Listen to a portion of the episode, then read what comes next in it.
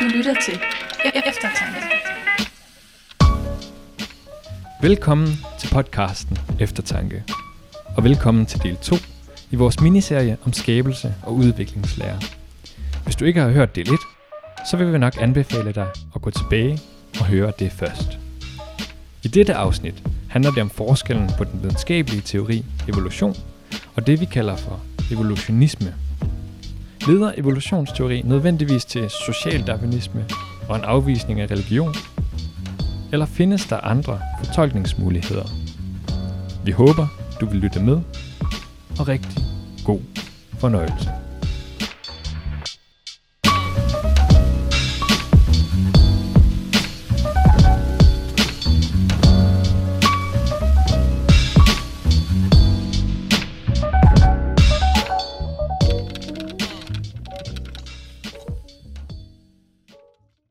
Velkommen til del 2 i vores lille, hvad der nok udvikler sig til at være en lille miniserie.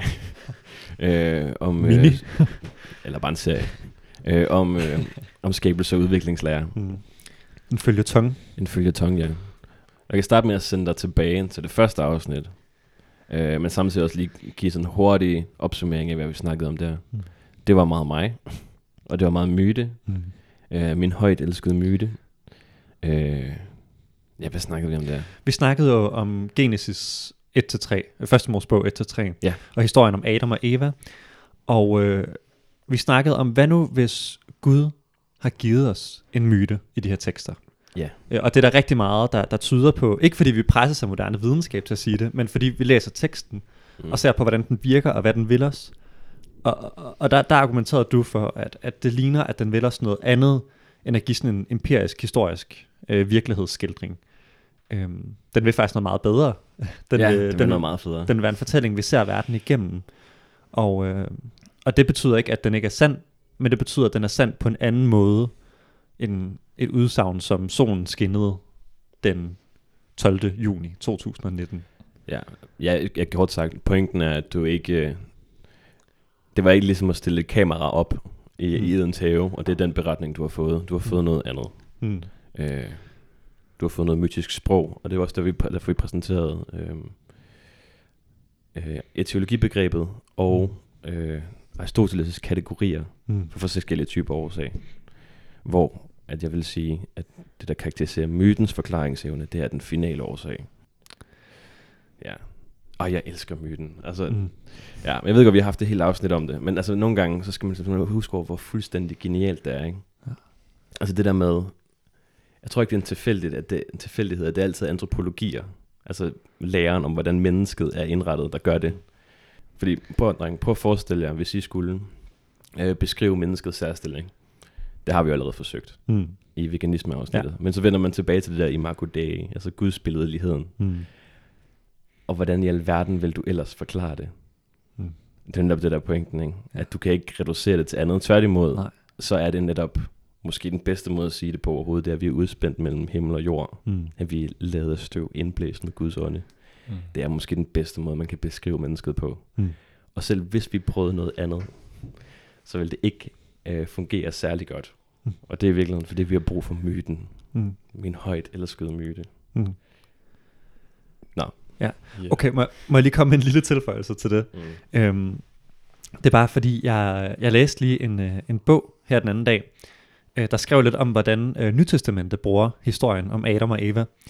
Og der var et sted, hvor forfatteren han skrev, øhm, at det er ret tydeligt, at Jesus han tænker, at Adam og Eva var historiske personer. Når han for eksempel et sted i Matteus evangeliet siger, når han bliver spurgt ind til, om øh, det er forkert at blive skilt, øh, så spørger han, har I ikke læst, at skaberen i begyndelsen skabte dem som mand og kvinde, og derfor forlader en mand sin far og mor og binder sig til sin hustru, og de bliver et kød.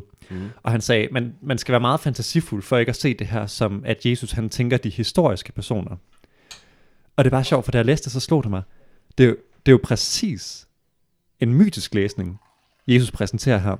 Altså, Ja, præcis. det, det rette brug af en myte er netop at sige, det her det er ikke en deskriptiv beretning om noget, der skete for Mm. x antal år siden. Det er øh, noget, som ligger til norm for, hvordan vi skal leve i dag. Altså historien om Adam og Eva siger noget om, hvordan øh, ægteskabet skal udfoldes i dag. Og det er præcis sådan, Jesus bruger det. Jeg, jeg ved ikke, om han troede, de var historiske eller ej, men, men jeg synes i hvert fald, det er åbenlyst på hans brug her, at det her det er et mytisk brug. Hmm. Og, og jeg synes bare, det er så sjovt, fordi jeg tror, det er meget sigende for, hvordan vi så ofte i dag tænker, han må tænke, at det er historisk, fordi han tænker, at historien er vigtig og har autoritet. Mm. Og det gør, det gør vi også, altså også selvom vi har Ja, den her mytiske læsning. Øh, en, en meget stor autoritet. Det er bare en, en, anden, en anden sandhedskarakter, den har. Så, så spændende øh, en snak, som vi kunne have snakket om i, i mange afsnit mere. Men, men vi må hellere prøve at begrænse Vi det. må hellere prøve at Øh, begrænse dem. Ja. Ja. Men øhm, grunden til, at vi fortsætter, det er jo, at diskussionen er ikke færdig med det. Nej. Øh, sådan overhovedet. Og vi, du, var, du var allerede lidt inde på det, Jacob. At der er jo selvfølgelig nogle komplikationer ved det. Øh, fordi der er mange... Jamen altså, jeg ved ikke, hvor mange hundrede års historie, der har været, hvor der har været kambolage mellem de to ting. Ikke? Hmm. Og det kommer måske til udtryk for, at det er på den ene side en videnskabelig hypotese, en teori, Hmm. øh, over for en... Øh, ja, altså jeg holder fast i, jeg kalder det en, en mytisk fremstilling af menneskets øh, egen art, Hmm. som er adskilt. Ja. Altså den ene angiver en final årsag, hvordan tingene ser ud, og så samtidig en teori, Hmm. som angiver den, hvad kan man sige, den kausale årsag. Ja, den materielle. Den Er det ikke det, du materielle. vil? Ja. Jo, casus materialis. Ja. Ja. Øh, men det er jo ikke kun øh, den ene vej, den går galt i byen. Hmm. Øh, jeg kan jo for eksempel blive rigtig sur nogle gange. øh, hvad er det nu, Hans Hauge kalder det? Øh, Darwinitis. Hmm. Kan I huske det? Mm. Ja, at man kan sådan blive helt grebet af den der måde at bruge udviklingslærer til sådan at beskrive alting. Hmm. Øh, og der kan også være noget om det. Hmm. Altså jeg for eksempel, jeg elsker kulturevolution. Hmm. Altså sådan, altså hvordan øh, altså menneskelig kultur, øh, hvad hedder det, udvikler sig Hmm. øh, i forlængelse af hinanden, og man bruger det, hvad skal man sige, det udviklingsstorme til sådan at forklare det, ikke? Hmm. Ekstremt meget forklaringskraft. Men det kan også blive meget, meget, meget kikset nogle gange, Ja, Hmm. hvis det giver mening. nemlig. Ja. Det kan jeg godt følge dig i. Og, og, og jeg synes faktisk, uh, Martin, jeg kan huske, du har jo brugt lidt tid på ham Huxley der, Hmm. som jo netop laver lidt et argument. Kan, kan du huske, hvordan er det lige argumentet går for det her med, at, at, at vi måske ikke kan gå fra biologisk evolution, og så til at, at bruge evolution sådan i, i, uh, i menneskeverden. Ja, så Huxley han kommer jo med øh, flere gode pointer. Han har det her meget sådan kendte essay fra 1993, Evolution and Ethics. Mm. Mm. En grundlæggende point er jo bare det her med, at jamen, moral, ligesom så mange andre ting, æstetik for eksempel, Mm. mm. hvad der er godt og hvad der er rigtigt, hvad der er smukt, hvad der er grimt, er jo ting, som øh, vi har en fornemmelse af, øh, sådan i udgangspunktet, uanset hvilken videnskabelig teori vi tilslutter os. Hmm. Og det, at øh, evolution så kommer ind og kommer med nogle øh, videnskabelige forklaringer måske, for eksempel, øh, så forestillede man sig jo dengang, hvordan evolution skulle forklare øh, moral og vores sans for æstetik og sådan nogle Mm. mm. ting. Det ændrer jo ikke på, hvad der er vores oplevelse af, hvad der er godt og rigtigt Mm. og forkert, og hvad der er smukt og hvad der er grimt. Hmm. Så han, han argumenterer jo bare for den her adskillelse af, øh, på den ene side at give den her naturvidenskabelige forklaring, og så på den anden side øh, at, have den, at holde fast i den her intuition, grundlæggende intuition, som vi bare har, med hvad der er rigtigt og hvad der er forkert. Og så særligt hele den der tanke med, at um, the struggle for existence, som øh, er en metafor, man ofte bruger på øh, evolution, den her kamp for overlevelse eller Mm. eksistens, at den skulle ind og øh, definere øh, etik, argumenterer han også imod. Jeg sidder også med et citat her. Um, Ja. Cosmic, uh, cosmic evolution may teach us how the good and the evil tendencies of man may have come about, but in itself it is incompetent to furnish any better reason why what we call good is preferable to what we had, uh, what we call evil than what we had before. Så altså med andre ord, der, der er en forskel på det med at forklare, hvordan er begreberne kommet, og så det her med faktisk at give en norm for, hvordan vi bør handle. Og, og den, den adskillelse der, den er simpelthen så ekstremt vigtig, tænker jeg. Mm. Også for sådan en som for eksempel Richard Dawkins, øhm, som, som jo helt klart er værd at give noget opmærksomhed i det her afsnit. Han, han, øh, han går jo også meget ind på den tænkning i The God Delusion, at han siger, øh, at vi, nej, vi er ikke uden moral, hvis vi er uden Gud. Fordi evolutionen har givet os moral. Og så beskriver han netop øh, det her med, hvordan at øh, for eksempel sådan noget som at tage sig af sit barn eller af sine venner, det kan have nogle fordele, og ligesom det kan have fordele at, at være altruistisk, fordi så skylder du også mig en, ikke også? Øh, og, og der kan man godt høre, at, at Dawkins nok ikke er så velbevandret i Thomas Huxley, om jeg må. øh, fordi det, det er jo præcis altså det her, han mangler at se, at, at det, det giver netop ikke noget, øh, det giver ikke nogen norm. Altså, det giver ikke noget fundament for, hvad der er godt. Det giver ikke, øh, altså det, det, det udstikker ikke en retning for det gode liv. I bedste fald beskriver det, hvordan du har fået din begreb om godt og ondt. Øh, Ja. Men ikke om det har nogen sådan sandhedsværdi, så at sige. Og der er Huxley også øh, vigtig, fordi Huxley var jo, øh, han blev jo kaldt Darwins bulldog, fordi Ja. at han jo gik meget op i at forsvare Darwins evolutionsteori øh, offentligt, og var en meget kendt sådan offentlig figur. Um, og der kan man jo bare se, hvordan det ligesom fra starten af, altså har der været den her fortælling om, at vi godt kan have evolution som en naturvidenskabelig forklaring Mm. på den ene side, øhm, men uden at det skal gå ind og eliminere alle mulige andre former for erfaring, som stadig skal have deres gyldighed, som Mm. for eksempel moral, Ja. Mm. æstetik osv., vores Ja. sociale erfaring. Ja. Um, det har været der helt fra starten. Mm. Um, så der er ikke sådan en eller anden, man kan ikke lave sådan en fortælling om, i, om historien, Mm. om at jamen, så kom Darwin, og så, så begyndte det hele sådan at erodere Mm. vores værdier. Og, og, det, og det, det ser man jo så på den ene side i Storbritannien med Huxley. Um, mm. På den anden side, en af de mest kendte sådan, um, personer, der argumenterede for evolution i USA, det var Asa Gray. Ja. Asa Gray, han var jo han var professor i et eller andet biologisk halløj på Harvard. Ja. um, og han var kristen. Og han øh, gik utrolig meget op i at forene øh, evolution med mm. hans tanke om en skabergud. Mm. Det var der også fra starten. Ja. Um, så, så nogle af de altså, allermest kendte sådan fortalere for Mm. øh, Darwins teori, øh, da teorien kommer, er jo eksempler på, at der, man kan ikke lave den her fortælling om, at det skabte konflikt med religion, Mm. det skabte konflikt med moral. Er der nogen af jer, der har godt styr på, øh, på Darwin selv? For, for så vidt jeg er oplyst, så, så, øh, så, så kan der godt være noget om, at, at Darwin selv, han drog nogle lidt uheldige implikationer af sin teori, mm. og måske ikke var helt skarp på den her adskillelse, og godt nogle gange kunne... Altså, jeg har nogle gange hørt ham, ham brugt som fortaler for noget, eller eugenik, ikke også? Altså, mm. at, at øh, Ja, Det kan være, at I lige er nødt til at forklare, hvad eugenik er for en størrelse. ja. Altså, så eugenik var faktisk et begreb, der blev, øh, jeg tror, det blev brugt første gang af Darwins fætter, Mm. øh, Galton hedder han, Mm. og som også regnes for eugenikkens fader. Mm. Øhm, og, og det bygger på sådan en forestilling om at forbedre vores genetik, at der er noget Mm. biologi her, vi kan gøre noget ved.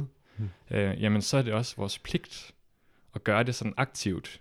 Og, og, det, det, er sådan, det er en stor sådan 1800-tals ting, det her med, Mm. at øh, man begyndte at tænke, at det er det, man også kender, kender som social, der, der social darwinisme. Ja. Forestilling om, at øh, naturen, naturens love, mm. for eksempel sådan de evolutionære love, øhm, de har ligesom sørget for, at verden kom dertil, hvor den kom med os mennesker. Men så kom mennesket til og begyndte at gribe ind i naturens orden. Mm. Øh, vi begyndte at, for eksempel at få en moral. Mm. Ja, Øh, det var dog uheldigt, var. ja, præcis. Ja.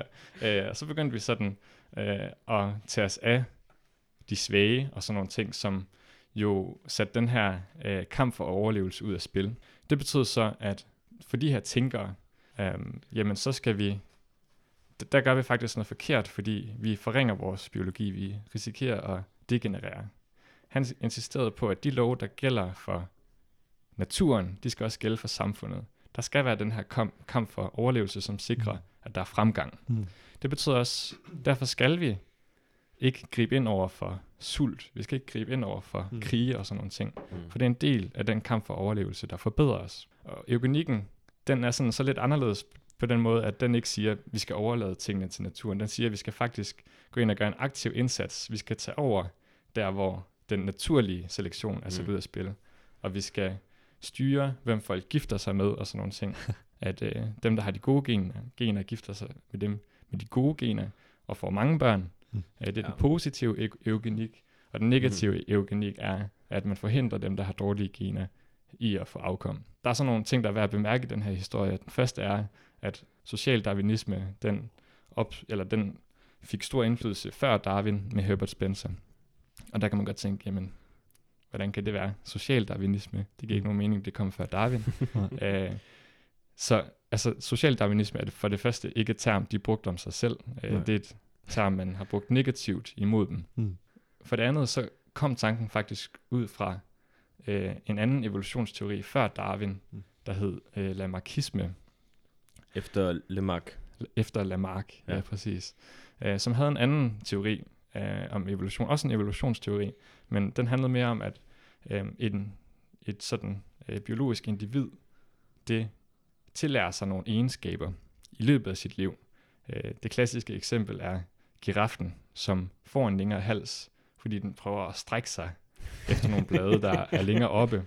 Så, så Ja. den tilegner sig nogle egenskaber i løbet af sit liv, Ja. og dem giver den så videre. Mm. Og, og den tanke passer jo utrolig godt sammen med socialdarwinisme, som siger, ja. At jamen, vi kan jo godt forestille os Mm. en person, der sådan øh, er sådan lavt rangeret i samfundet, Mm. men så kæmper for at komme op. Mm. Mm. Og han har jo så tilegnet sig en eller anden egenskab til at være stærk, som han Mm. så kan give videre.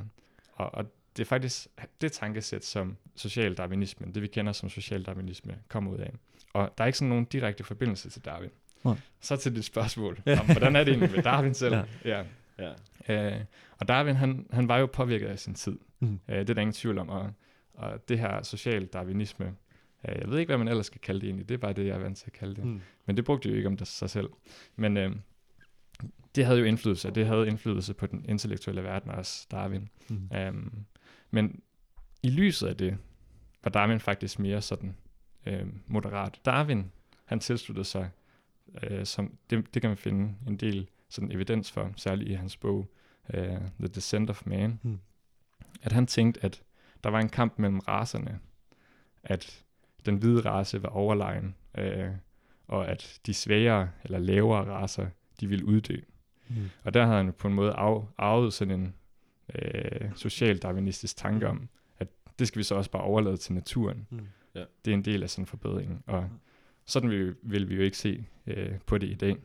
Men der var han så var øh, mere sådan øh, moderat, det var når han kiggede på de indre linjer, fordi socialdarwinismen handlede meget også om sådan klasser, Mm. at den, den lavere klasse, som var opstået på grund af industrialisering og urbanisering osv., mm. øh, det var den, man var meget bange for, at, at de skulle formere sig som rotter, som de sagde. Ja. øhm, og, ja. Men der, var, der, der gik Darwin ind for sådan sociale ydelser og sådan nogle ting. Var, var ikke sådan, han, han insisterede ikke på, at evolution skulle gå ind og definere vores etik på det område Okay. og vores politik. Ja. Øhm, så Ja. det, det går i forskellige retninger med Ja, Darwin. Men, Kompliceret billede, ja. Nemlig, ja. Men altså det, det, man bare skal tage med, det er jo, altså han, han er jo en person fra 1800-tallet. Ja. Og det er jo et århundrede, som man kender for sin øh, racisme og for socialdarwinisme og sådan nogle Mm. ting, at det har været der i stor grad. Mm. Øhm, så, øh, og, og det undskylder det selvfølgelig ikke på nogen måde. Mm. Men det er så interessant at se Darwin i det lys, at han faktisk også har reageret på det. Ja. Altså, han havde potentialet for sådan at sige, øh, ja ja, min teori beviser, at det er rigtigt. Ja. Ja. Men han, han stiller også spørgsmålstegn ved nogle ting. Ja. Øh, ja. Og det er rigtigt. Også ofte i dag, så hører man jo tit det der med, at, øh, at, at evolutionsteorien faktisk kan blive anklaget for at, at pludselig give fundamentet for den her slags påstanden. Altså med darwinismen, så fik man pludselig øh, det normative grundlag for socialdarwinismen. Mm. Og, og, og der, der tegner det jo lidt et andet billede, den historie, du giver, ikke også på en eller anden måde, at sådan, øh, nej, det gjorde det ikke, det var der i forvejen. Darwin, han gav dem ikke noget, som de ikke allerede havde. Og, og, og det, det nuancerer i hvert fald det billede der, og den bekymring, som mange måske har. Mm. Øhm, og, og jeg hører det også ofte i dag, især fra sådan kristne, øh, amerikanske evangelikale, der, der siger det her med, at så, så snart du, du har troen på, at, at øh, arterne udvikles igennem tilværelseskamp og sådan noget, jamen så, så vil det gå ud over din etik. Men det sjove er, i min verden, der er det jo fordi, de my- mytiserer en videnskabelig teori. Ja, Ja, nu ved jeg godt, nu, nu, går, jeg, nu går jeg myte til den igen. Ja. gør det. Ja, men det er jo fordi, det fjollede ved det er, at man, lavede, lader, man tager en kausal årsag og gør den final. Mm. Og på den måde giver den dårlig forklaringskraft. Mm. Altså det der med, og del, dels så tror jeg ikke, jeg køber den i udgangspunktet, men den der idé om, at man kan gå tilbage og sige, det at vi gjorde det her før i tiden, forklare mekanismerne, der har ledt til det her. Og det er pissefedt. Mm. Altså den, den følger ikke for Mm. mig. Øh, tværtimod, det, bliver, det ender med at blive en rigtig dårlig myte, Ja. øh, fordi den mangler det finale. Ja. Altså ved at man Mm. gør det kausale finalt, Mm. så forsvinder det finale, Mm. hvis det giver mening. Det gør det helt Mm. sikkert. Ja, jeg vil lige læse et uh, citat op for dig fra uh, Richard Dawkins, uh, som han skriver i River Out of Eden. hvor han siger, Not only does the Darwinian theory command superabundant power to explain, its economy in doing so has a sinewy elegance, a poetic beauty that outclasses even the most haunting of the world's origin myths. Mm. Så Dawkins selv, han ser godt her, at øh, evolution er, han siger så lidt modsat dig, at det er en meget bedre myte end alle religionernes. Mm. Men, men jeg synes, det er rigtig sjovt, at, at, at Dawkins selv, han i River Out of Eden, som jo har undertitlen, øh, øh, hvad det nu, A Darwinian Account of Life, eller sådan noget. Mm. Altså, det, det er på en eller anden måde, hvor han sådan totaliserer darwinismen som sådan et livssyn, et verdenssyn. Og jeg synes, det er så sjovt, at han selv fanger, at han faktisk bruger øh, darwinismen som en myte. Og, og hans begrundelse for det er jo så netop det her med, at den ekstremt simpel teori, der kan forklare alt muligt. Og, og det, er jo, det er jo et eller andet sted øh, rigtigt nok. Altså darwinismen er en, en simpel forklaring på komplekse data.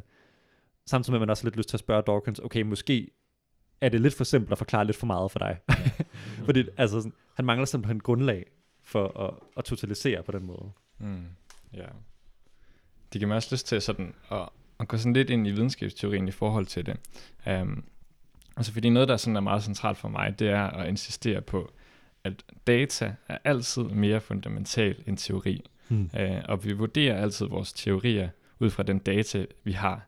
Data det er noget, vi opsamler med vores sanseerfaring, og, um, og, og det er noget, vi opsamler sådan nu. Altså det, det er ting, vi ser nu. Og med evolution er det jo som regel, når vi kigger på den biologiske diversitet, Mm. øh, når vi kigger på genetik og sådan nogle ting, at evolution tegner sådan et billede, der kan forklare de her ting. Um, og det er sådan, evolution ar- eller naturvidenskab i det hele taget arbejder meget, at vi har noget data, og vi spørger, hvad kan forklare det? Mm. Um, vi ser nogle ting, vi ser ikke det fulde billede, men hvad kan vi så forestille os er det fulde billede, som får den her data til at give mening? Hmm.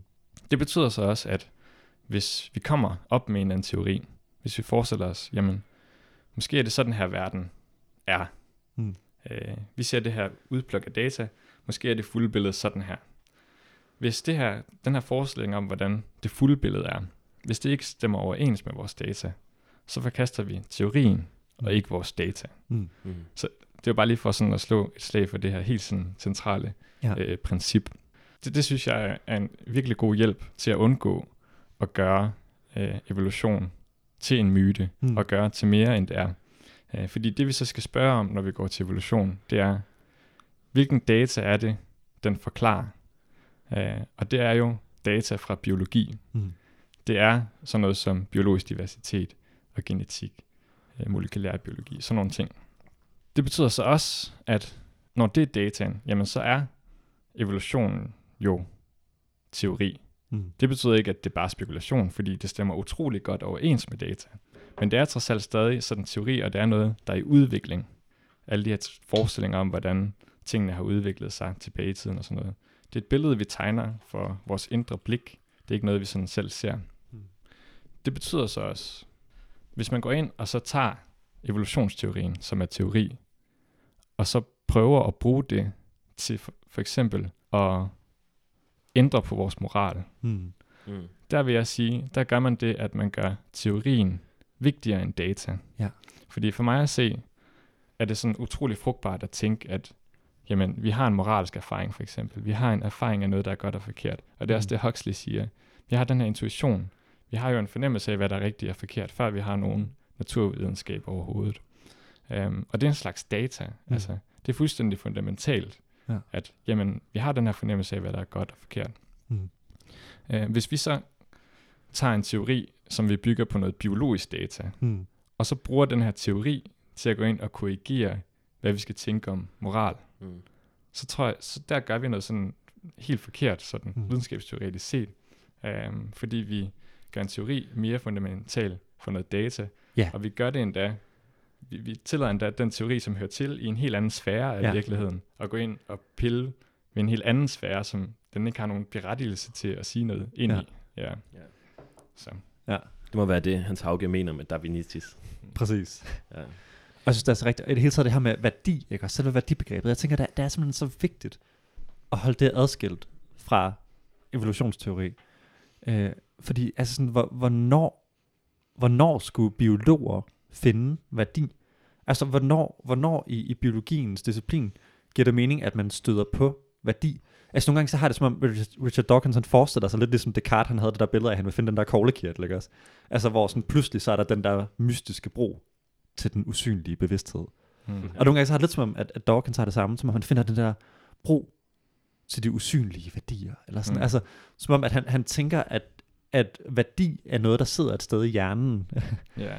og det er i hvert fald en, en radikal filosofisk påstand at komme med, som, som i hvert fald skal underbygges. Øh, ikke, der er selvfølgelig masser, der forsvarer den, men, så det er, ikke, det er ikke en umulig påstand at komme med. Men, men jeg synes bare, det er så vigtigt, at, at så snart vi stiller spørgsmål om værdi, så bevæger vi os over i filosofiens domæne. Jeg synes, det, jeg synes, det er så betagende, hvordan sådan nogle ting kan læse ind i alt muligt andet. Mm. Øhm, Foucault har den her idé om epistemer, Mm. og at, og at vi befinder os, eller i hvert fald fra 18, starten af 1800-tallet og så Mm. frem til i dag, har vi været i sådan et udviklingepisteme, Mm. øh, som man kunne opsummere med Barney Stinsons uh, One Rule. Ja. New is always better. Mm. Og det, og det er blandt andet også det, der giver os problemer med myten, ikke? Mm. Fordi at vi har en idé om, at de var primitive. Altså, kern, altså ordet, vi bruger til at beskrive den type mennesker, er, de er primitive. Fordi vi har en oplevelse af, eller vi tænker om dem, de var ubegavede. Ja. De var ikke bare anderledes, de var decideret øh, et evolutionært step frem til noget andet. Mm. Mm. Øh, og det er så tydeligt i myteforskningen, at man tænker, at man har de her steps, altså fra noget almindeligt sprog til noget æstetisk sprog til noget mytisk sprog, Mm. der så til sidst leder os til den ultimative erkendelse, der er det videnskabelige sprog. Mm. Øh, altså det er total forklaring. Altså det er det, det, det, det, det skal lede os hen til. Og alle andre er forsøg på sådan at forklare, hvordan verden hænger sammen. Nu har vi bare den, det ultimative sprog for det.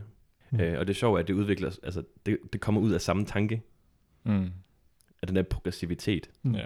At nu har vi det nye, og det nye er meget bedre til at forklare det. Mm. Øh, men der er den her understrøm af, sådan, af idé om ja, epistemisk udvikling, Mm. øh, der leder sig hen til i dag. Mm. Hvilket så sjovt nok bliver cirkulært, Ja. Mm.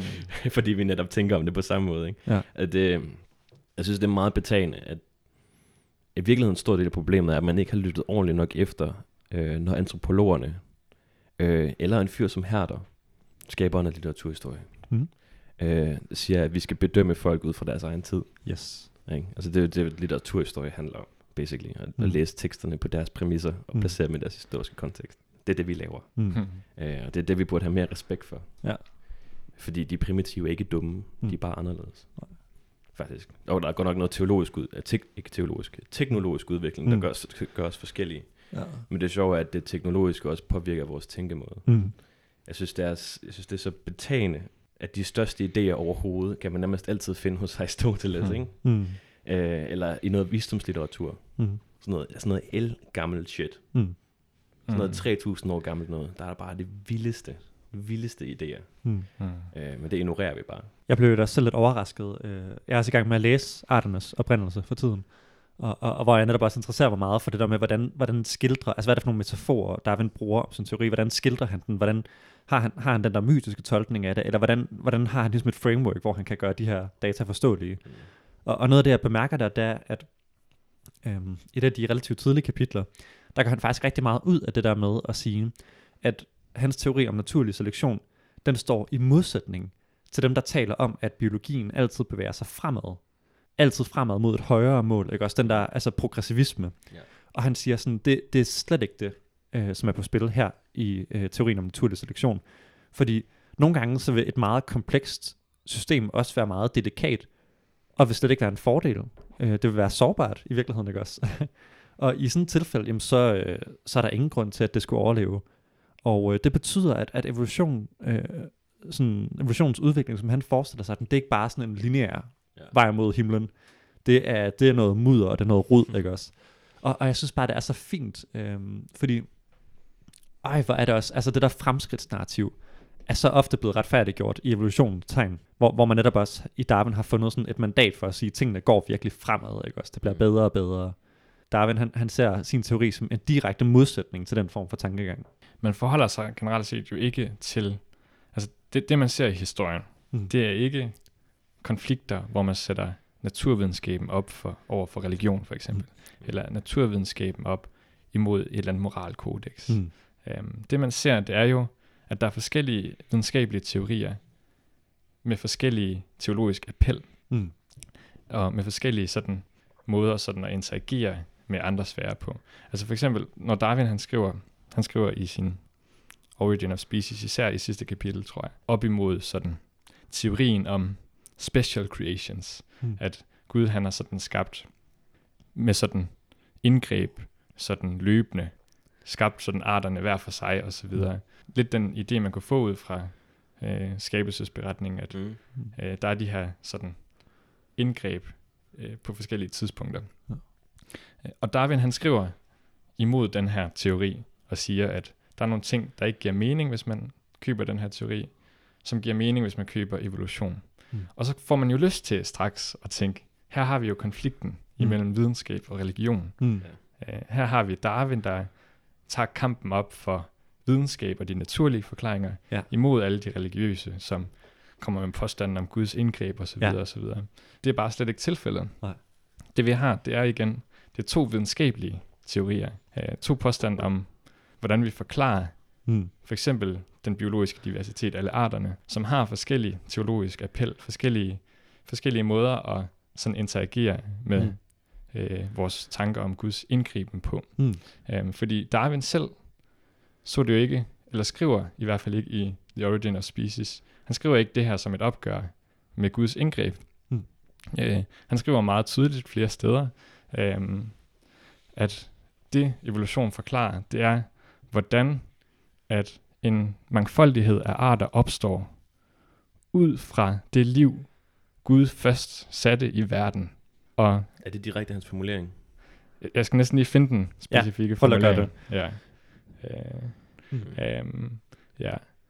ja, for eksempel skriver han helt i slutningen, hans sidste sætning, nu læser jeg det bare på engelsk. There is grandeur in this view of life, with its several, several powers, having been originally breathed by the Creator into a few forms or into one. Um, and that, whilst this planet has gone cycling on according to the fixed law of gravity, from so simple a beginning, endless forms, most beautiful and most wonderful, have been and are being evolved. Er det Darwin, det der? Det er Darwin. I uh, Origin of Species? Origin of Species, den sidste linje. Ej, hvor er det vanvittigt. Ja. øhm, og ja. Ja. Det, viser, det, det illustrerer det her med, at han kommer med en videnskabelig teori, som han Mm. mener har en bedre forklaring på biodiversitet, Ja. end øh, teorien om Guds sådan øh, specielle, Mm. hvad kan man kalde det? Hedder det det på dansk? Speciel skabelse. Ja, det tror jeg, man plejer at sige. Ja. ja. Um, men det betyder ikke, at han har et opgør med religion, eller Mm. et opgør med Gud som skaber. Uh, kan I huske, at vi var i Berlin i sommer? Mm. Eller Du var ikke med, Jacob. Nej, Du skulle giftes. Ja. Uh, men det der med at bevæge sig ned i sådan en bunker, uh, fordi det er virkelig sådan et sted, hvor den der socialdarwinisme træder frem. Mm. De uddelte jo medaljer uh, til ariske kvinder, tyske ariske kvinder, i forhold til, hvor mange børn de fik. Mm. øh, og sådan nogle ting. Og det er sådan... Jeg synes, det er sjovt, at man havner der. Og jeg, forst- og jeg kan egentlig godt forstå, at hvis ikke man har frameworket til at adskille de to ting, og hvis ikke man har Martins videnskabsteoretiske bevidsthed, Mm. at man har behov for at bare tælle det der imod. Og det, altså det vil jeg gerne sådan give anerkendelsen til. Altså et eller andet sted. Det er meget uheldigt, at man har været, man har været meget sur på evolutionsteori gennem tiden. Øh, og så sent som for et halvt år siden, var der nogen i Christi Dagblad, der gik hårdt imod evolution. Ikke? Men jeg kan et eller andet sted godt forstå deres incitament, hvis det man hører, det er socialdarwinisme, Mm. eller hvis det man hører, det er en rant, Ja. som, som kan give belægget for, at, at jeg kan få lov til at, hvad hedder det, at træde, ned, træde på folk, mm. og give det belægget for det. Det er bare for at sige, Ja. det følger overhovedet ikke. Det er nemlig det rigtigt. ikke. Og det, det var faktisk et stort problem i den der debat, der var. Jeg kan godt Mm. huske, øhm, at, at det var jo netop startet med, at der var en præst, der havde kritiseret Darwin, Mm. øh, for sådan at, at simpelthen lave rod i vores øh, moral. Og, og, og det var sådan lidt underligt, og dem, der forsvarede ham, de sagde netop også, at han, han kritiserer socialdarwinisme. Men, men, men at det åbenlyst også var lidt en distinktion, som man manglede. Ja. Altså folk, folk var ikke helt klare på det, og jeg, jeg har ikke læst hans oprindelige indlæg, men, Mm. men jeg synes ud fra, hvad jeg sådan så på overskrifter, så synes jeg, at, at det lignede, at der ikke helt var styr på den der skillnen. Øh, darwinisme som sådan myte, som verdensbillede, og så darwinismen som en, en meget ydmyg lille forklaring på biodiversiteten. Altså. Jeg kom til at tænke på, må, må jeg lige gå lidt teolog i den? Øhm, Ja. Gå teolog i den. fordi øh, der, der er simpelthen et, et sjovt citat fra, øh, fra Luther, synes jeg, øhm, fra hans Genesis-forelæsning, øh, hvor han, han, øh, han kigger på skabelsesberetningen, han kigger på det her med gudsbilledigheden. Mm. Og, øh, og så bruger han faktisk nogle kategorier, som vi også har brugt nu på en meget, meget lignende måde, og det synes jeg lige, vi skal prøve at høre. Han øh, skriver, øh, man bør derfor under opmærksomhed til nærværende tekst, i hvilken helligånden giver værdighed til menneskets natur på så pragtfuld en måde og adskiller det fra alle de andre dyr. Ja, hans kropslige eller dyriske liv skulle rigtig nok ligne dyrenes liv. For det som dyrene spiser, drikker og hviler for at forfriske deres kroppe, således kunne også Adam, selv i hans øh, uskyld, gøre brug af disse ting. Men det der tilføjes, at mennesket blev skabt til dette dyriske liv på en sådan måde, at han dog blev skabt i Guds billede og lighed. Den betegnelse for en ganske anden type liv end det dyriske.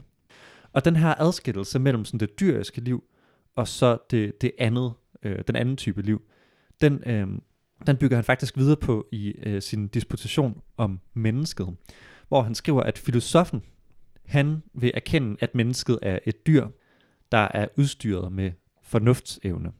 Men filosofen kan ikke fortælle noget om, og der bruger han nemlig igen det her Aristoteles, øh, aristoteliske kategorier. Øh, filosofien kan ikke fortælle noget om menneskets bevirkende årsag, altså det vil sige Gud, øh, causa efficiens, eller om menneskets finale årsag, øh, causa finalis, dets øh, altså sådan formålsbestemthed, hvad er det til for? Øh, der siger han, det kan teologien.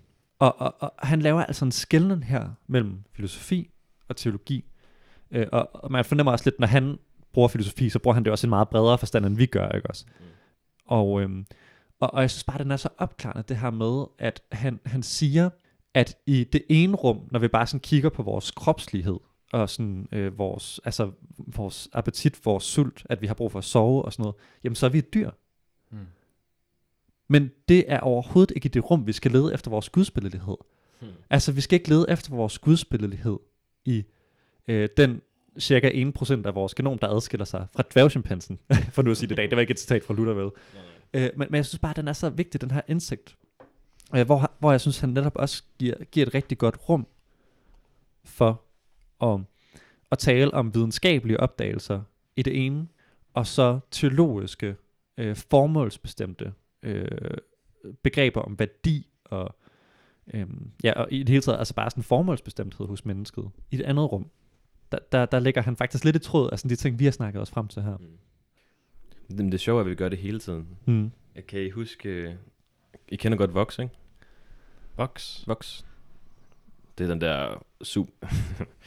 ja, Nå, nu- ja, Jamen, Jamen, det- Vox. Ja. Øh, ikke stemme. nej. VOX. VOX, ja. Ja. Stemme. Betyder det ikke stemme? Jo. Jo. Øhm, det er sådan et rigtig venstredrejet medie for USA. Jeg synes, jeg synes jo, at det er betagende nogle gange, hvor, hvor, hvor, hvor, hvor politiske alle medier i USA er. Mm. Altså til den ene og den anden side. Man skal virkelig være opmærksom. Ja, ja. altså det er sådan helt... Øh, men jeg kan, jeg kan egentlig godt lide Vox. Og de laver de der Explained, øh, sammen med Net, Netflix. Mm. Sådan Explained. Og så har de en hel masse om bevidsthed, eller The Mind. Ja. Øh, de har også en om sex. Ja. Øh, som på mange måder er rigtig fin. Jeg lærte rigtig meget om, om de kvindelige kønsorganer ved at se det. Det Mm. synes jeg var herligt. Eller, ja. Meget, I hvert fald, det var spændende.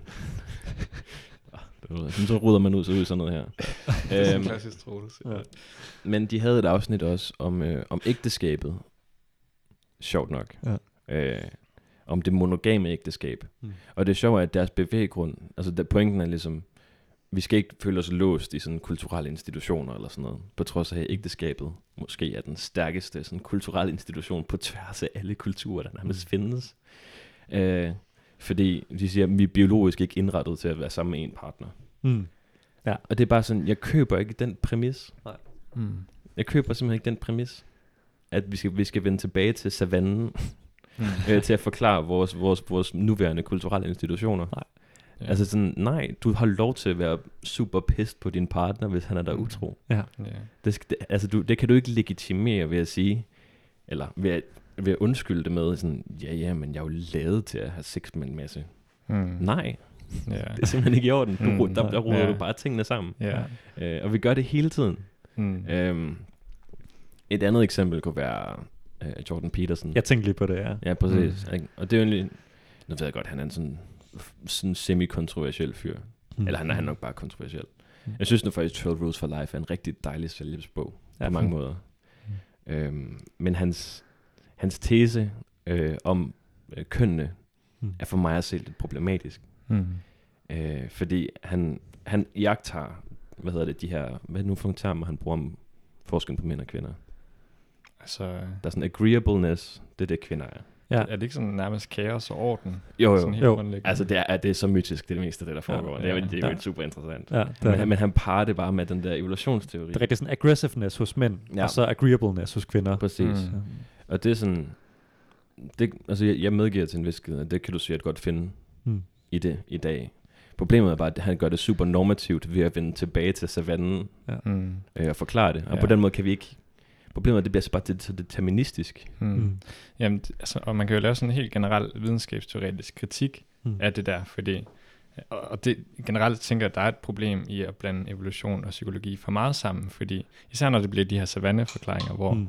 Mm. man prøver sådan at sige, jamen fordi at vi havde de her betingelser på savannen, hvor vi udviklede sig i mange tusind år, Mm. jamen øh, så er det derfor, vi er, som vi er i dag. Ja. Og problemet er jo som regel, at du, du kigger på, hvordan vi er, eller har en eller anden forestilling i hvert fald om, hvordan vi mennesker er. Mm. Øh, for eksempel har du en forestilling om, at vi grundlæggende set ikke er disponeret til et monogant forhold, for eksempel. Ja. Um, og så kommer du med den her savanneforklaring. Uh, men det, man skal holde fast i der, det er jo, at savanneforklaringen er ren og skær fantasi. Altså det er jo bare uh, noget, du sådan sidder og finder på, som, som måske hænger sammen med din forestilling om, hvordan sådan biologisk evolution er foregået. Mm. Um, men problemet er, at du kan jo finde på rigtig mange ting, der er foregået på savannen. øh, og, og på den måde bliver det jo bare en måde at legitimere din forestilling om, hvordan mennesket er, Ja. og så at fastlåse mennesket Mm. i, i, en, i den her forestilling og sige, det kan ikke være anderledes. Øhm, altså som, så, så argumentform er, minder jo også om meget racisme for eksempel. Ja. Øh, og, og, og der er det jo i det hele taget meget problematisk, det der med at, at, at tage den her forestilling, Mm. øh, den her fantasi, og bruge det som sådan en øh, biologisk legitimation af Mm. mm. din forestilling om, hvordan mennesket er og skal være. Ja. Mm. Ja. Jeg kommer virkelig bare til at tænke på vores... Øhm... Jo, jeg kommer til at tænke på vores øh, dydsetik-afsnit. Ja. Øh, hvor vi jo netop har snakket om det her med sådan... Altså, vi er ulykkelige mennesker i dag. Altså, hvor, hvor, hvor er det yngværdigt. Altså, vi har intet grundlag for moral. og nu sådan lidt, lidt desperat, så har vi fundet, hov, vent, måske evolutionsteori. Og, og det er derfor sådan, sådan en som Jordan Peterson, han kan, eller det er en af grundene til sådan en som Jordan Peterson, han kan være så forfriskende, det er fordi sådan, i den her ekstremt relativistiske verden, så endelig har vi fundet et argument for, hvordan der kan sådan komme mening, og der kan komme køn og sådan noget igen. Det er fordi evolutionsteori. Mm. og, og et eller andet sted, sådan, det vidner, jeg synes også, det vidner lidt om sådan desperation. At vi virkelig mangler et grundlag for vores værdier og vores moral. Så hvad end der sådan kan give den der autoritet, altså der vil, i det hele taget sådan, tænker vi ofte videnskab, at videnskaben kan give den autoritet. Altså, vi har videnskaben som vores faste grund under fødderne, og hvis du kan smide den, så har du trumfkortet. Øhm, men men det, det vidner altså om, at vi mangler noget. Vi mangler de der øh, McIntyrske communities, ikke? Også, hvor vi har vores fælles øh, myter, vi har vores fælles værdidomme. Øh, I hvert fald sådan et grundlag for at, at, at drage moralsk værdidomme. Og sådan. Mm. En anden ting, øh, jeg kunne godt tænke mig, at, hvis I har et øjeblik til at tale om Thomas Nagel. Nu spørger jeg sådan lidt Jehovas vidner-agtigt. Øh, Ja, vil I tale om Thomas Nagel et øjeblik? Det, præcis.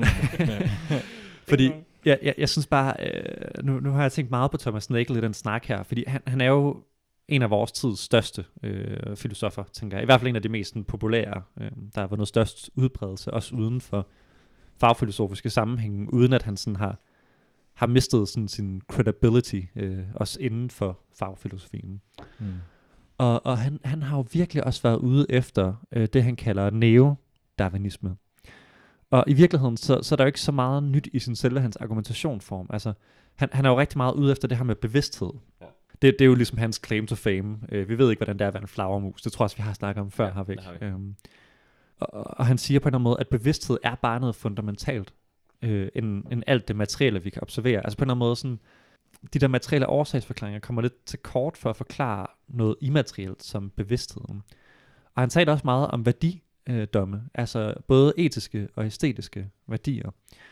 Og, og, og det, som, som øh, Thomas Nagel argumenterer for, den her Mind and Cosmos, det er jo, at at evolutionsteorien faktisk kommer til kort, altså sådan grundlæggende kommer til kort, for at redegøre for mennesket, der netop er udstyret med en bevidsthed, som er i stand til at erkende sandhed om verden og erkende øh, moralske værdier.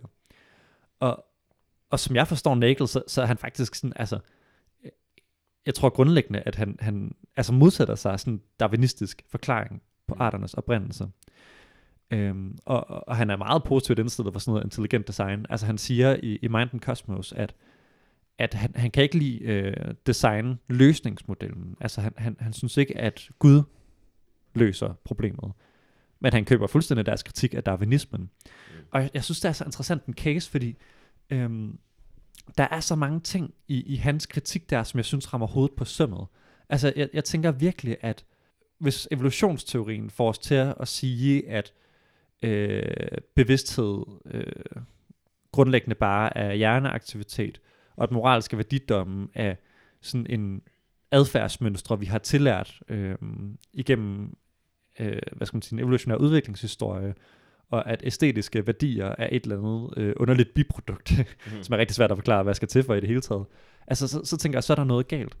Øhm, men, men, men, men alt det, altså der vil jeg også så netop sige, lidt med Luther, måske, ej, måske ikke med Luther, men sådan i forlængelse af Luther, at her der er vi altså ikke i, i videnskabens domæne, men der er vi i filosofiens domæne, mm. og, og Thomas Nagel, han er en god filosof, men går han ikke for langt, når han udfordrer den biologiske darwinisme med det? Har, har I nogle tanker om Ja, det? altså jeg vil også tænke, at hvis hans forudsætning for at angribe evolution er Mm. det her bevidsthedsspørgsmål, så det han faktisk angriber er evolutionisme, som Mm. vi har talt om det nu.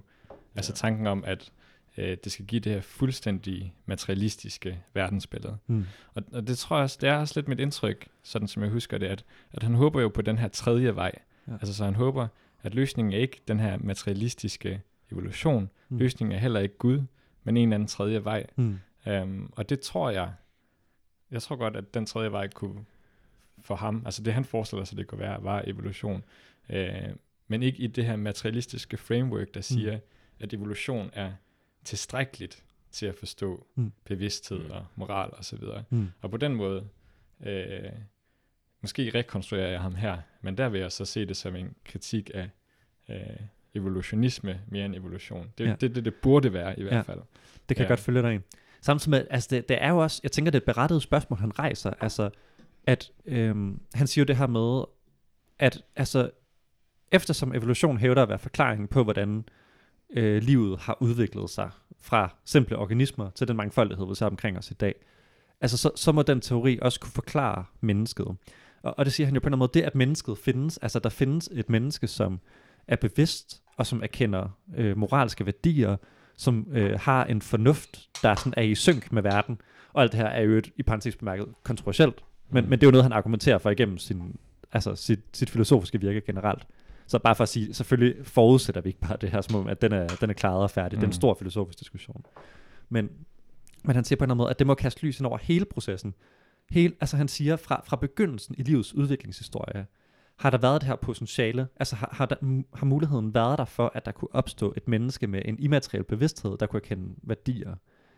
Mm. Øhm, og, og på en eller anden måde, så bliver det for sådan, det bliver for kunstigt, hvis vi, hvis vi på en eller anden måde sådan, tænker sådan, det hele bare en eller anden materiel årsagskæde, og så lige pludselig så bare, pow!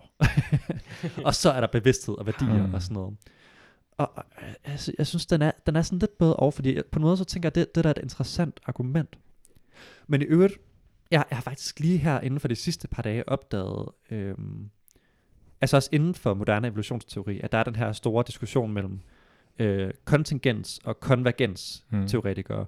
Altså hvor vi har sådan en som Stephen Jay Gould Mm. på, på kontingenssiden, der siger, altså hvis vi nu spolede båndet tilbage, ikke også, mm. øhm, og hoppede tilbage til den kamperske eksplosion, og prøvede at se, øh, hvad, hvad sker der nu, så vil der ske det, at vi vil få nogle helt nye arter.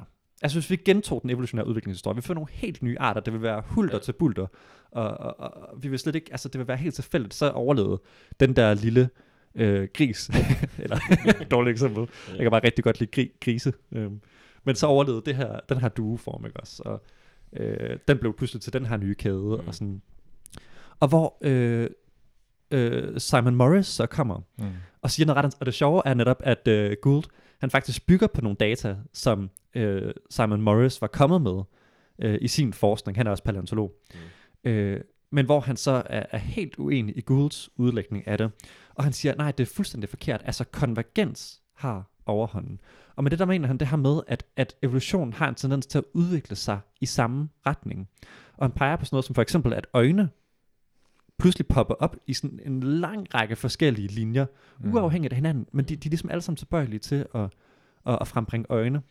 Og han, han har lige for et par år siden udgivet en bog, der hedder The Runes of Evolution, hvor han siger, at øh, hvis der nu var en anden planet, der også havde mulighed for at frembringe liv ligesom jorden, mm. så vil det liv nødvendigvis føre til intelligens, ligesom mennesket. Mm. Meget, meget interessant. Og, og altså det her, det er, det er ikke intelligent design, selvom det næsten kan lyde sådan. Mm. Øh, det, det er den anerkendt evolutionsteoretiker, og det er en diskussion, der foregår inden for etableret evolutionsteori. Øh, men, men jeg synes, det er så fantastisk det her med, hvordan Morrison faktisk har et begreb om teleologi, altså om telos, mm. om formålsbestemthed. At evolutionen ikke er en fuldstændig vilkårlig proces. Og altså ud fra min meget øh, beskedende viden om biologi, har indtryk af, at det her er en åben diskussion. Altså mm. det, det, øh, det er ikke sådan, at, at vi landede. Og jeg vil heller ikke sige, jeg vil på ingen måde sige, at kristne er forpligtet til at, at læne sig op af Morris. Men, men jeg må alligevel sige, at jeg synes, at, at øh, personligt, der kan jeg rigtig godt lide mm. Morris' udlægning, og jeg synes, den løser de der Nichols filosofiske problemer. Øhm, mm. og, øhm, og, og, og i det hele taget, øh, på en eller anden måde også lidt gør op med sådan, hvad har indtryk af sådan, tidligere var sådan evolutionsteoretisk måde, altså hvor det var The Blind Watchmaker, ikke også? Altså det var en mm. totalt kaotisk, tilfældig, vilkårlig proces. Og hvor jeg har indtryk af, at, at, at der er meget mere plads til konvergens nu. Altså der er noget, Morrison taler om det her med, at det er som om, at evolutionen leder efter de her muligheder. Lidt som mm. en computer, der står og researcher, ikke også? Yeah. Og pludselig sådan, hov, der var øjet. Mm. Nu laver jeg det. Hov, mm. der var intelligensen, der var det. Mm. Og jeg kan se, du brænder ind med noget, Martin. Kom, Jamen, jeg, kom. jeg har virkelig lyst til at gribe den her. Uh, kom med det, ja. altså, det synes jeg også er vanvittigt spændende. Og, mm. øh, og, og der tror jeg, altså, øh, jeg tror Morris, han, han leder lidt vejen her for, øh, altså en, en mellemvej for mennesker, der har meget sympati for øh, evolution, men også har øh, sympati for tanken om design. Mm. Um, jeg synes også faktisk, Morris indeholder, altså han giver responsen øh, på intelligent design, altså den mm. respons, som intelligent design behøver. Mm. Um, så, altså, så han, har han været i konkret dialog med intelligent design? Um, altså det, jeg kunne ikke forestille mig andet, fordi han er jo også selv kristen, ja. uh, så han er helt sikkert optaget af, af sådan samspillet imellem videnskab og mm. religion. Mm. Um, men jeg ved faktisk ikke, altså, jo, jeg, jeg har hørt ham sige, at han er skeptisk over for intelligent design, ja. uh, hvilket også er meget naturligt mm. uh, med hans sådan baggrund ja. som evolutionsbiolog, og um, som netop har, har er kommet med den her, eller forsvaret den her konvergenstanke. Um, men, men der, er, der er jo noget helt naturligt i den her konvergenstanke, tænker mm. jeg. Altså det her med, at Ja, vi vil gerne investere, øh, insistere på, at der er noget tilfældigt i evolution, fordi det sker ved de her tilfældige mutationer. Mm. Men den naturlige selektion, som er den her anden komponent, altså vi har variationen på den ene side i evolution, som, som gør, at afkommet ikke ligner sine forældre, eller mm. kommer til at adskille sig på en eller anden måde. Mm. Og så er der den naturlige selektion, som så, så vælger de forandringer, som er mest sådan fitte i forhold til det omgivende miljø. Og naturlig selektion er jo ikke tilfældig. Mm. Altså naturlig selektion har jo på en måde nogle meget naturlige kriterier mm. at vælge ud fra. Uh, altså det, det, det er det, der skal uh, sørge for overlevelse i et givet miljø. Mm. Og der hvor jeg synes, at konvergenstanken er sådan helt naturlig og helt oplagt at inkorporere, er jo, at jamen, der er jo bare nogle sådan helt grundlæggende fakta om mm. miljøet, som vi får fra fysikken. Mm. Så fysikken fortæller os for eksempel, at jamen, i den her verden eksisterer der sådan noget som elektromagnetisk stråling. Mm. Og elektromagnetisk stråling, det er øh, blandt andet lys. Altså, det, det er den stråling, der kommer fra solen, rammer de ting, der er omkring os, og så går fra de ting over på vores øjne, så vi mm. faktisk kan se dem. Mm. Det er derfor, vi kan se noget, når solen er op, og kan se mindre om natten. Mm. Yes. Elektromagnetisk stråling, det findes. Uh, så det at kunne udnytte elektromagnetisk stråling, at det er overalt omkring os, til at danne et sanseorgan, som for eksempel øjet, som så kan optage den her information, det virker som sådan en oplagt mulighed at gribe. Øh, så, så hvis på en eller anden måde, at der sker de her tilfældige mutationer hele tiden, hver gang at, at de her mutationer rammer noget, der begynder at kunne interagere med den her verden omkring os af Mm. elektromagnetisk stråling, Mm. øhm, så giver det mening, jamen det er en fordel. Og det, det der kan interagere med det, er jo så øh, nogle bestemte molekyler, øh, som dannes i en bestemt struktur, som hedder året. Mm. Øh, der er selvfølgelig også andre måder at interagere med øh, elektromagnetisk stråling på, men, Mm. men året øh, fanger lige præcis den elektromagnetiske stråling, som kommer igennem atmosfæren fra solen. Mm. Um, så året er bare sådan, altså det er oplagt, at vi skulle udvikle et øje, for Ja. eksempel. Altså på den måde er der noget helt naturligt, Ja. ja. for en fysiker i hvert fald, at høre om, Ja. om det her konvergensbegreb. Ja. Um, men det betyder jo også, at, at på en måde så er evolution udnytter ligesom de muligheder, der er givet af den fysik, Mm. der er tilgængelig. Ja. Um, og det betyder også, at afhængig af hvilken fysik, der er tilgængelig i verden, Ja. Mm. udvikler evolution jo også organismer på en bestemt måde. Mm. Fysikken er jo på en måde givet fra starten af, øh, fra universets sådan oprindelse. Mm. Um, så den, på den måde, så vil jeg sige, altså folk, der er optaget af, af spørgsmålet om, um, jamen kan der være design og sådan en proces med evolution samtidig, Mm. der vil jeg sige, jamen det kan der sagtens, fordi som kristne forestiller vi os jo, at øh, Gud han har skabt verden Mm. øhm, med den fysik, den har. Øhm, og han har, han, har, han har skabt, altså vi, som fysikere og som filosofer vil vi jo sige, at det her det er måske ikke den eneste måde, naturen kunne have været på. Mm. Øh, man kunne godt forestille sig en anden fysik. Mm. Man kunne forestille sig, at der ikke var nogen elektromagnetisk kraft i Mhm. universet. Så der ikke var nogen elektromagnetisk stråling, som Mm. evolution kunne gøre Mm. brug af. Men når Gud så har skabt verden, sådan som han har med den fysik, den har, Mm. jamen så kan han sagtens sådan have haft i tankerne, hvordan liv skulle blive ved evolution. Yes. Og det, altså det er virkelig, det, det er godt nok en vigtig konklusion det her. Og jeg er glad for, at vi lægger det her op som podcast, man kan høre det igen. For jeg kan godt høre, altså vi, vi har lidt et abstraktionsniveau i de her Mm. afsnit. Ja, det, Men- vi, vi, vi er deroppe af lige nu. Men jeg vil også sige igen, øh, lige bare for at minde om, at vi altid tager imod øh, spørgsmål, og hvis I vil have noget uddybet, og vi kan sagtens mm. altså, tale videre om det her, gå ned. Altså hvis der er konkrete ting, som, som simpelthen bliver, øh, bliver for indforstået eller noget, så, så lige fortæl os det, det vil vi jo også gerne vide, og så kan vi gå ind i det.